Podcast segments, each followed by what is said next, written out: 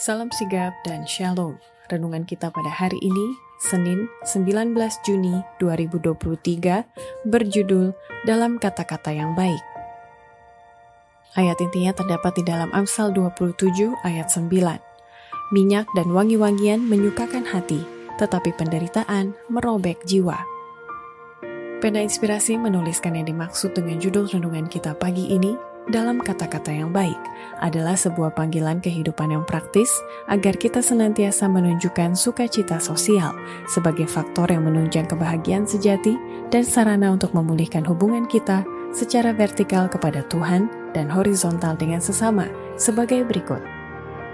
Pertama, Perilaku seorang Kristen sejati harus senantiasa bertutur dalam kata-kata yang baik yang menunjukkan agama Kristus yang mereka yakini itu telah berpadu dengan apa yang mereka katakan dan lakukan dalam kehidupan sehari-hari.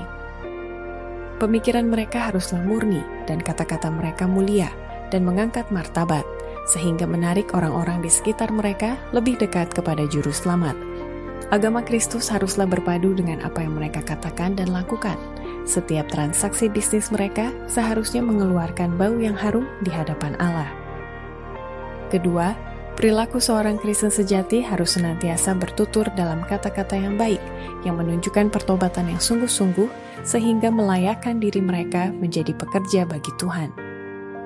Berhati-hatilah memilih pegawai yang baru untuk gereja, biarlah mereka terdiri dari laki-laki dan perempuan yang sungguh-sungguh bertobat.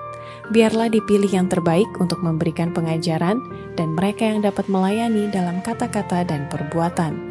Dalam setiap bidang pekerjaan, ada kebutuhan yang sangat penting. Ketiga, Perilaku seorang Kristen sejati harus senantiasa bertutur dalam kata-kata yang baik, karena itu merupakan prinsip kekristenan dan sekaligus perlu orang Kristen menunjukkan keprihatinan bagi orang miskin, berkekurangan, dan yang teraniaya. Perlakuan prinsip adalah buah yang dituntut Kristus dari kita, melakukan pekerjaan kebajikan, mengucapkan kata-kata manis, dan menunjukkan keprihatinan bagi orang miskin yang berkekurangan dan yang teraniaya. Keempat, Perilaku seorang Kristen sejati harus senantiasa bertutur dalam kata-kata yang baik dan membiasakan diri mereka berbicara sopan dengan nada yang sedap, serta menggunakan bahasa murni yang tepat. Budaya yang benar dan penggunaan kuasa berbicara ada kaitannya kepada setiap bidang pekerjaan Kristen.